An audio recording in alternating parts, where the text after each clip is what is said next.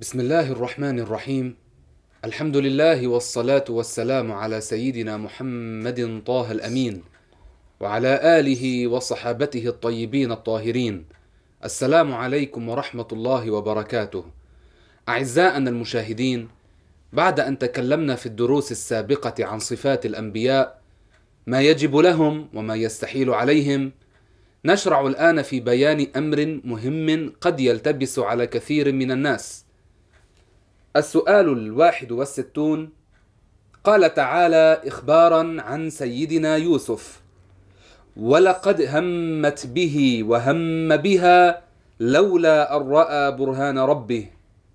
ما معنى وهم بها؟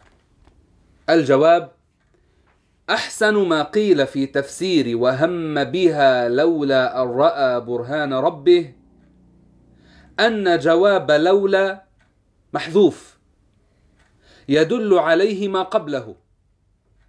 أي لولا أن رأى برهان ربه لهم بها. فلم يحصل منه هم للزنا لأن الله أراه برهانه.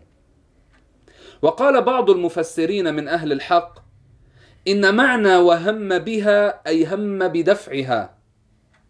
ومعنى لولا أن رأى برهان ربه أن الله أعلمه البرهان أنك يا يوسف لو دفعتها لقالت لزوجها دفعني ليجبرني على الفاحشة فلم يدفعها بل أدار لها ظهره ذاهبا فشقت قميصه من خلف فكان الدليل عليها. أما ما يروى من أن يوسف هم بالزنا وأنه حل إزاره وجلس منها مجلس الرجل من زوجته فإن هذا باطل لا يليق بنبي من أنبياء الله تعالى. قال تعالى في براءة يوسف قالت امرأة العزيز الآن حصحص الحق أنا راودته عن نفسه وإنه لمن الصادقين. يجب الاعتقاد أن الأنبياء عليهم الصلاة والسلام عصمهم الله تعالى وحفظهم وصانهم عن الرذالات قبل النبوة وبعد النبوة. فكل ما فيه خسه ودناءه مستحيل على أنبياء الله عليهم الصلاة والسلام. ويوسف النبي الصديق العظيم الكريم عليه الصلاة والسلام لم يحصل منه أن قصد الزنا حاشا ولا هم بالزنا ولا أراد الزنا بل كان عليه الصلاة والسلام طاهرا بعيدا عن الرذالات. ويجب الاعتقاد بأنه عليه الصلاة والسلام هم بإبعادها عنه على ما قاله بعض علماء التفسير هم بدفعها. فلا يوسف عليه السلام هم بدفعها ولكن ماذا حصل؟ تركها وأعرض عنها. فلم يحصل منه دفع ولا ضرب لأجل أن لا تقول لقومها ضربني من أجل الزنا يعني من أجل أن يعتدي عليها لما تركها وأعرض عنها عندما تركها وأعرض عنها هي لحقته فأمسكت بقميصه يعني الثوب الذي كان يلبسه عليه الصلاة والسلام. فتمزق هذا القميص من دبر من خلف وهذا كان دليلا عليها ودليلا على براءة يوسف عليه الصلاة والسلام. إذا ولقد همت به هي أرادت الفاحشة لأنها غلقت الأبواب وهيأت نفسها وهو كان يهرب من ذلك ولا قصده ولا نواه ولا أراده. ثم عندما قالت له هئت لك؟ يوسف عليه السلام ما أعطاها الذي تريد؟ بل يوسف عليه السلام قال معاذ الله. اذا يوسف طاهر بريء لا ضربها لأجل أن يزني بها وإنما كان أراد هم بدفعها لأجل أن ينصرف عنها. ومع ذلك على قول بعض علماء التفسير لم يحصل منه الدفع ولا الضرب لأجل أن لا تحتج بذلك. وهنا البرهان لولا أن رأى برهان ربه أي لولا أن علم لأن الله أعلمه هذا البرهان وهو أنك لو ضربتها لقالت ضربني لأجل كذا وكذا والعياذ بالله. فلم يحصل منه.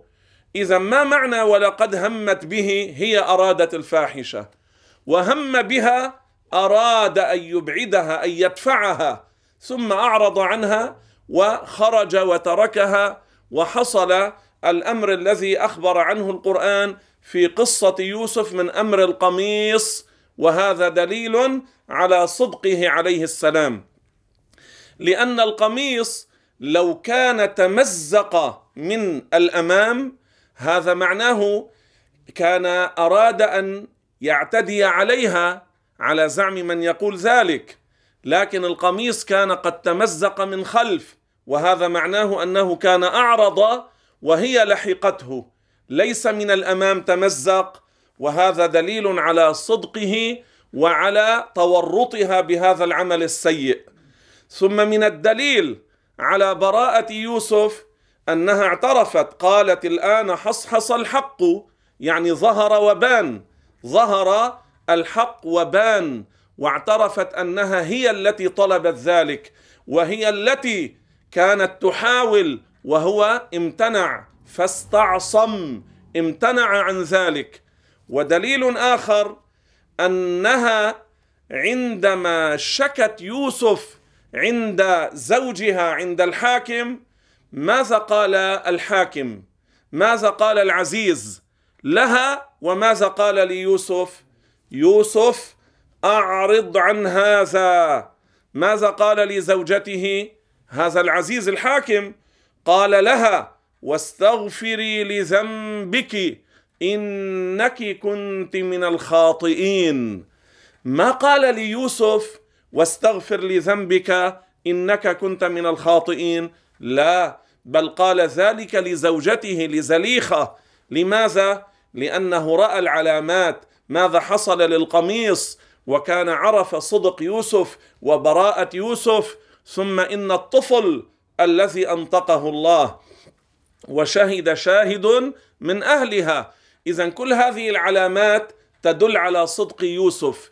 حتى إبليس مع أنه رأس الكفر إبليس أفهم في براءة يوسف من الدجاجلة والكفار وأعداء الدين والشياطين الذين منهم من يدعي العلم.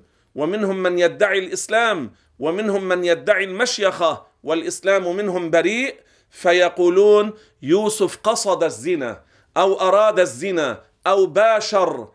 إبليس أفهم منهم في هذه القضية وأن يوسف طاهر بريء. من أين عرفنا أن إبليس أفهم منهم في هذه القضية؟ من قول الله في القرآن اخبارا عن إبليس أنه قال فبعزتك فبعزتك لأغوينهم أجمعين إلا عبادك منهم المخلصين. إبليس اعترف أنه لا سبيل له على الأنبياء. إبليس اعترف أنه لا سلطة له على الأنبياء. يعني لا يستطيع أن يغوي الأنبياء فيجر الأنبياء أو الرسل إلى الكفر أو إلى الكبائر أو إلى الخسه والدناءة. إبليس يعرف أنه لا يقدر على ذلك.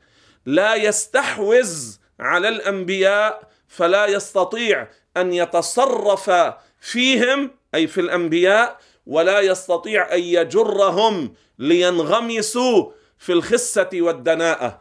هذا إبليس يعرف أنه لا يقدر عليه. ويعرف أنه لا يحصل منهم ذلك. فكيف يتجرأ البعض على هذا الافتراء وعلى هذه الوقاحة وعلى هذا الكذب على نبي الله يوسف عليه الصلاة والسلام؟ فيقول قصد الزنا أراد الزنا وبعضهم ماذا يزيد والعياذ بالله؟ يقول ولقد همت به قصدت الزنا قصدت الفاحشة وهم بها على زعمهم يقولون قصد مثل ما قصدت. وهذا موجود في بعض التفاسير. وهذا موجود في بعض التفاسير المشهورة. آه، لكن نحن نظن في العلماء المشاهير الأجلاء أن هذا مما دس عليهم. فلا يقول هذا الكلام مسلم عامي. كيف يقوله عالم أو إمام أو جليل من علماء أهل الإسلام فلذلك الظن بهم أنه دس عليهم. فلو رأيتم في بعض التفاسير المشهورة هذه العبارة الساقطة هذه العبارة السخيفة بأن يوسف قصد الزنا مثل ما قصدت زليخة اعرفوا أنه كذب وافتراء وباطل وضلال بل وكفر. لأن الذي يقول عن الأنبياء يقصدون الزنا يفعلون الزنا هذا احتقر الأنبياء انتقص الأنبياء. الذنب الذنب الذي فيه خسه ودناءه لا يجوز على الأنبياء. إذا كان صغيرة فيها خسه ودناءه لا تجوز على الأنبياء. كالنظرة المحرمة فهل يحصل منهم الزنا؟ إذا كانت الكلمة البذيئة لا تحصل من الأنبياء فهل يحصل منهم الزنا؟ هل يحصل منهم أن يقصدوا الزنا؟ هذا كذب وافتراء. وبعضهم والعياذ بالله ماذا فعل من شدة خبثه؟ قال يوسف فك سرواله وقعد منها كما يقعد الرجل من زوجته وخرج له أي وخرج له يقولون وخرج له يعقوب من الجدار فضربه في صدره فخرجت الشهوة من أصابعه. أي كذب هذا؟ أي افتراء هذا؟ أي سخافة هذه؟ هذا كلام لا يقوله عاقل لا يرضاه مسلم. كيف يتهم الأنبياء بهذه الرذالات هذا الافتراء لا يليق بالإنسان الذي عرف بأنه عالم تقي صالح كالإمام الشافعي. نحن نقول إنه بعيد عن ذلك. نقول إن الشافعي أو الأوزاعي أو أحمد أو مالك يكون بعيدا عن هذا الفعل بعدا بعيدا. فكيف بالأنبياء عليهم الصلاة والسلام؟ فاذا هذا كذب وافتراء على يوسف عليه الصلاة والسلام. وهنا نصيحة مهمة. لكل الذين قالوا أو اعتقدوا بأن يوسف زنى أو قصد الزنا ليرجعوا للإسلام بالشهادتين لأن هذه الكلمة أو هذا الاعتقاد انتقاص للأنبياء الذي يقول إن نبيا من الأنبياء قصد الزنا أو زنى هذا يكون استخف استهزأ بالأنبياء وانتقص الأنبياء فلا يكون من المسلمين. اذا انتبهوا من بعض التفاسير وانتبهوا من بعض الأفلام التي توضع في الفضائيات والتلفزيونات باسم ما يسمونه بزعمهم قصص الأنبياء ويقولون هذا الكلام السخيف. ثم إن يوسف عليه السلام لو كان قصد الزنا أو زنى بزليخه حاشا هل كان الملك يضعه وزيرا على خزائن الأرض في مملكته؟ كيف هذا؟ لو عرف عليه أنه زنى بامرأته أو قصد الزنا كان ربما قتله. كان ربما قتله. لكن الواقع الذي يثبته التاريخ حتى في تواريخ غير المسلمين أن يوسف صار وزيرا على خزائن الأرض في مصر في حادثة الملك الذي كان زوجا لزليخة يعني استخلصه لنفسه وأخرجه من السجن ووضعه أيضا وزيرا على خزائن الأرض. لو كان هناك ملك فوق العزيز لكن هذا العزيز كان فعليا هو الحاكم. ثم يوسف صار له الحكم وصار مقبولا ومقربا وكلمته هي النافذة في مصر. هذا يدل على صدقه وعلى عصمته وعلى طهارته وعلى براءته أم على أنه على زعم هؤلاء أم أنه كان والعياذ بالله زنى أو قصد الزنا بزليخة؟ لا يدل على صدقه وعلى طهارته وبراءته وعفته. هي اعترفت والطفل اعترف وشهد شاهد من أهلها والنساء شهدنا وزوج زليخة هو قال لها واستغفري لذنبك إنك كنت من الخاطئين. اذا هذا الواقع يشهد ببراءة يوسف وبصدق يوسف عليه الصلاة والسلام. فمن اتهمه بالزنا فقد كذب الله. الله ماذا قال في القرآن؟ كذلك لنصرف عنه. الله يقول كذلك لنصرف عنه السوء والفحشاء. السوء صغائر الخسه والفحشاء يعني الكبائر كالزنا. وقد سبق قبل هذا اللقاء أن ذكرت هذه الآية وقلت النص في يوسف لكن الحكم والمعنى لكل الأنبياء. فالأنبياء جميعا عصمهم الله وحفظهم من الكفر والكبائر وصغائر الخسة قبل النبوة وبعدها. ثم لو عرف والعياذ بالله بأنه قصد الزنا أو زنى بزليخة على زعم الكفار كيف كانوا بعد ذلك يقبلون منه الدعوة في مصر؟ كيف كانوا بعد ذلك يقبلون إليه وعليه؟ اذا يوسف طاهر يوسف بريء يوسف لم يزني ولا قصد ولا قصد الزنا ولا قصد الزنا. اذا يجب الاعتقاد بأن الأنبياء عليهم الصلاة والسلام أطهار عصمهم الله وصانهم وحفظهم ونزههم عن ذلك. السؤال الثاني والستون قال تعالى حكاية عن أحد الخصمين اللذين اختصما إلى داود. إن هذا أخي له تسع وتسعون نعجة ولي نعجة واحدة. فقال أكفلنيها وعزني في الخطاب. ما المراد بالنعاج في هذه الآية؟ الجواب قد تكني العرب بالنعاج عن النساء. لكن لا يجوز تفسير النعاج في هذه الآية بالنساء كما فعل بعض المفسرين. فقد أساءوا بتفسيرهم لهذه الآية بما هو مشهور من أن داود كان له تسع وتسعون امرأة وأن قائدا كان له واحدة جميلة فأعجب بها داود فأرسل هذا القائد إلى المعركة ليموت فيها ويتزوجها هو من بعده. فهذا فاسد لأنه لا يليق ما ذكر فيه بنبي من أنبياء الله. قال الإمام ابن الجوزي في تفسيره بعد ذكر هذه القصة المكذوبة عن سيدنا داود وهذا لا يصح من طريق النقل ولا يجوز من حيث المعنى. لأن الأنبياء منزهون عن لأن الأنبياء منزهون عنه.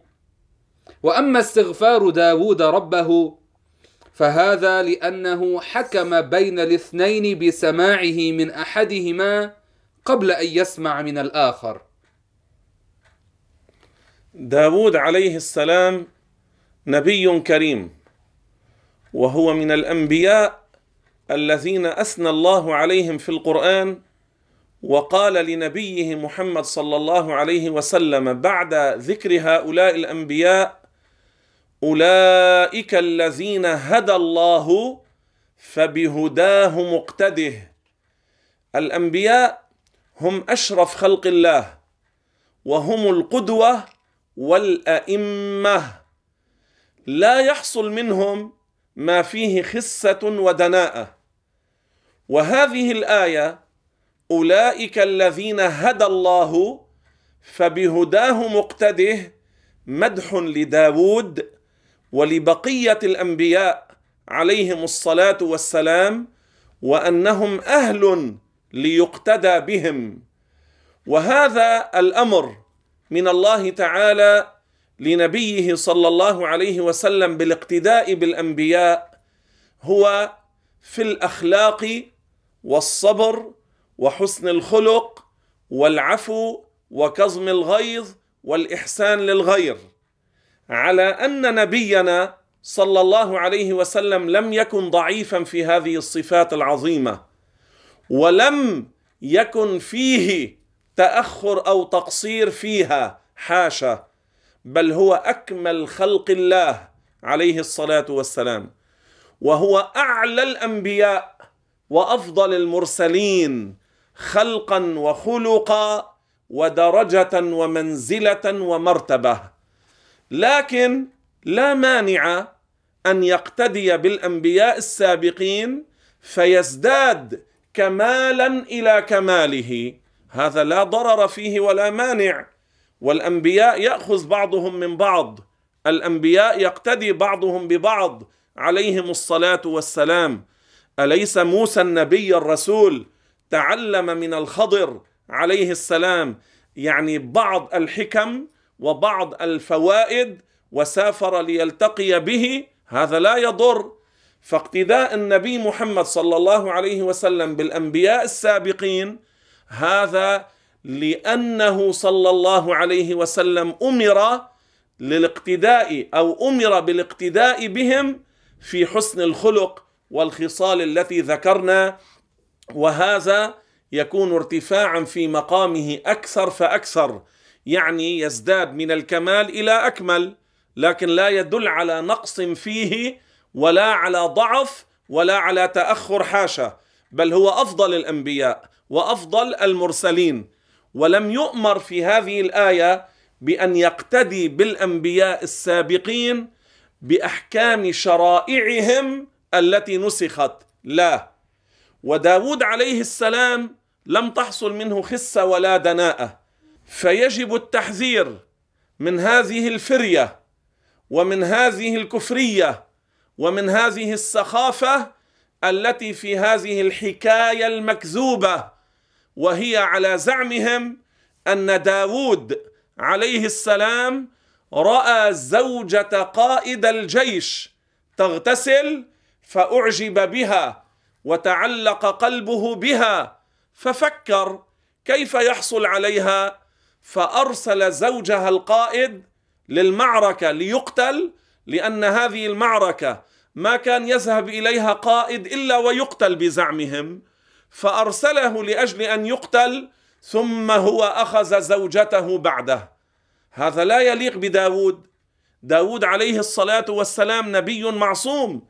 نبي طاهر نبي منزه عن هذه الخسة والدناء والرزالة. اذا هذه حكاية من الإسرائيليات. اليهود لا يرون احتراما للأنبياء ولا يرون عصمة للأنبياء. فيجب أن نحذر مما فيه طعن في الأنبياء أو مما نسب إليهم من كفر أو كبائر أو خسة أو دناءة فهذا لا يليق بهم. عليهم الصلاة والسلام والحمد لله رب العالمين والسلام عليكم ورحمة الله وبركاته.